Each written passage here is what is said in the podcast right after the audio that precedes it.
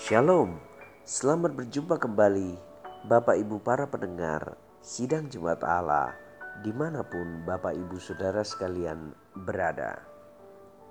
Saya percaya Bapak Ibu dalam kondisi yang sehat, diberkati oleh Tuhan, dipelihara dalam segala kebaikan dan kemurahan Tuhan.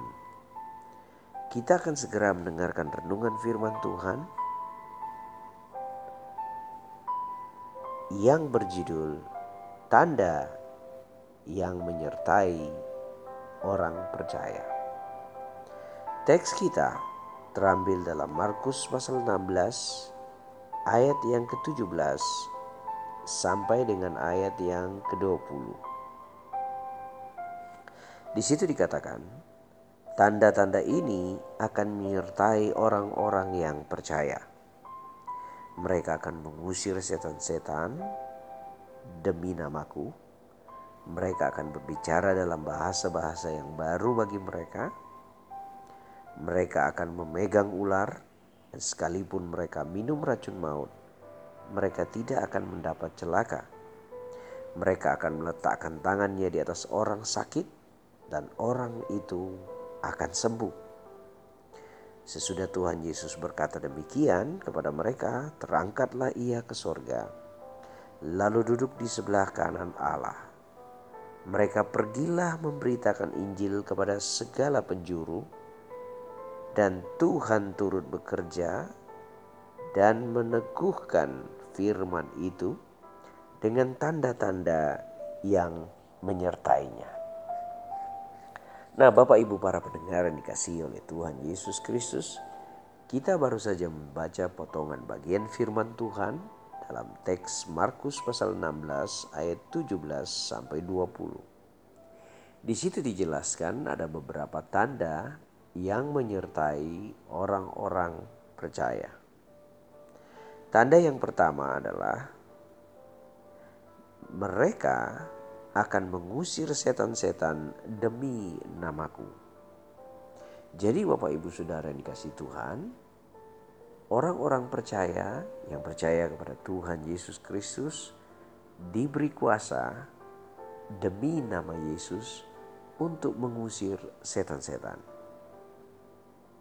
Jadi pelayanan ini bukan hanya berlaku bagi para pendeta, hamba Tuhan, atau gembala sidang, atau apa pun juga.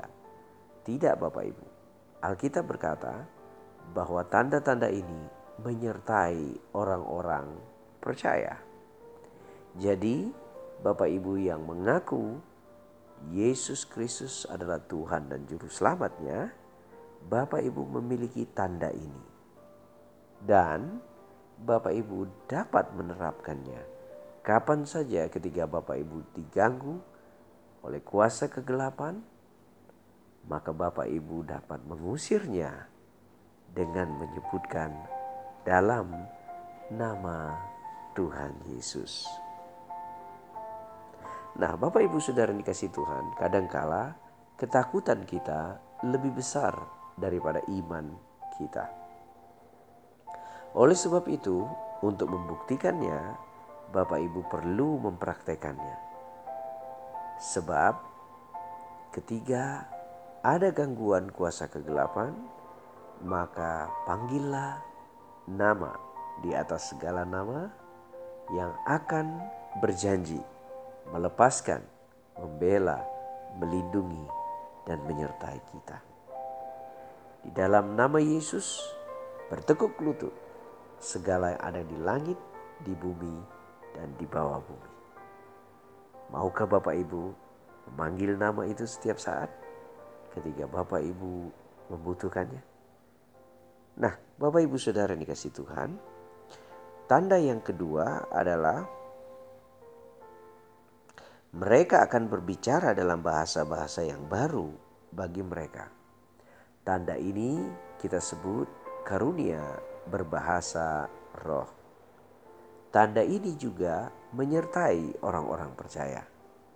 Karena itu, Bapak Ibu, ketiga menjadi percaya kepada Tuhan Yesus Kristus dapat meminta tanda ini hadir dalam kehidupan Bapak Ibu Saudara sekalian.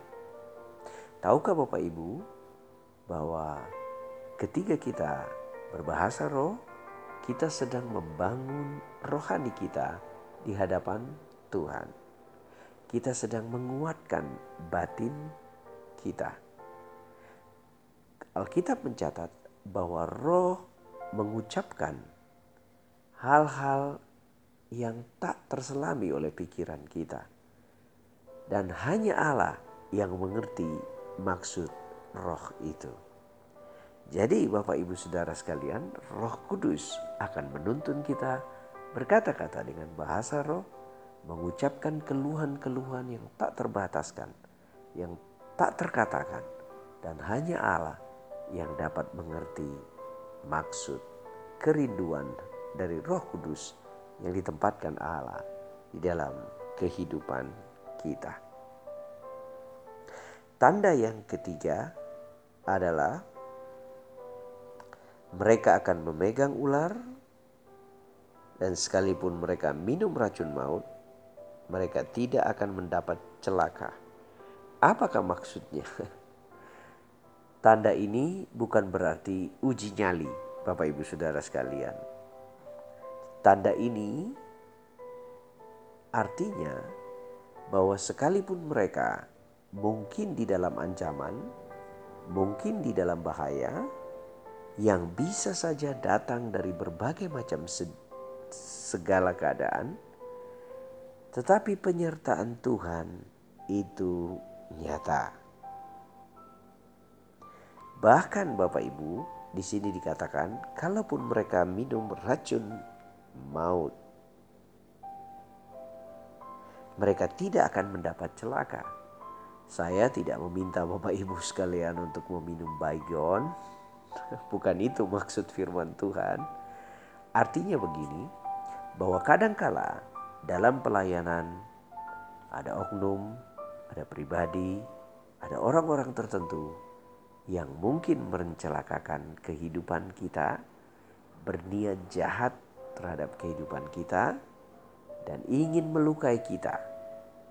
Nah, Alkitab memberikan janji perlindungannya, janji penyertaannya. Nah, Bapak Ibu Saudara, itulah tanda yang ketiga. Tanda yang keempat adalah Mereka akan meletakkan tangan di atas orang sakit, dan orang sakit itu pun sembuh. Jadi, Bapak Ibu diberi kuasa oleh Tuhan untuk mendoakan mereka yang sakit, sakit apa pun. Ingat, kesembuhan bukanlah bagian kita. Tugas kita adalah mendoakannya dengan penuh percaya. Urusan kesembuhan adalah urusan Tuhan. Jadi, kalau belum ada yang sembuh, janganlah kita patah semangat. Janganlah kita menyerah, karena memang Tuhan meminta kita dan berkata, "Mereka akan meletakkan tangan mereka di atas orang sakit, dan orang sakit itu sembuh."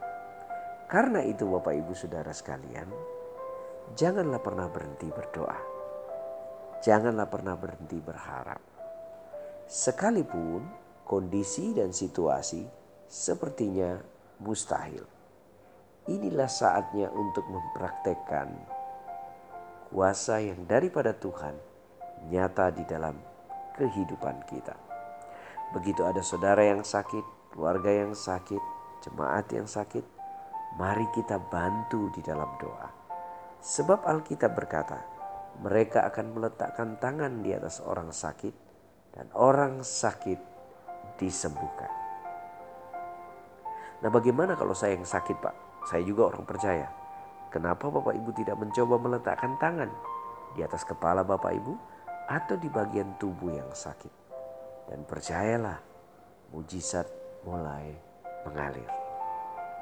Nah Bapak Ibu Saudara sekalian Itulah tanda yang menyertai orang-orang percaya. Dan oleh karena itu, ini adalah bagian dari orang-orang percaya, maka Bapak Ibu sebenarnya dapat berjalan dalam kuasa yang ilahi. Kita dapat mengusir setan dengan menggunakan nama Yesus yang Tuhan berikan dalam kehidupan kita. Kita dapat meminta kuasa Roh Kudus memenuhi kehidupan kita. Kita juga dapat memohon perlindungannya di mana pun kita berada dan kita juga dapat melihat mujizat kesembuhan mengalir dalam pelayanan kita terhadap mereka yang sakit. Selamat menikmati tanda-tanda yang menyertai orang percaya ini. Biarlah kemurahan dan kebaikan Tuhan menjadi bagian kita. Amin.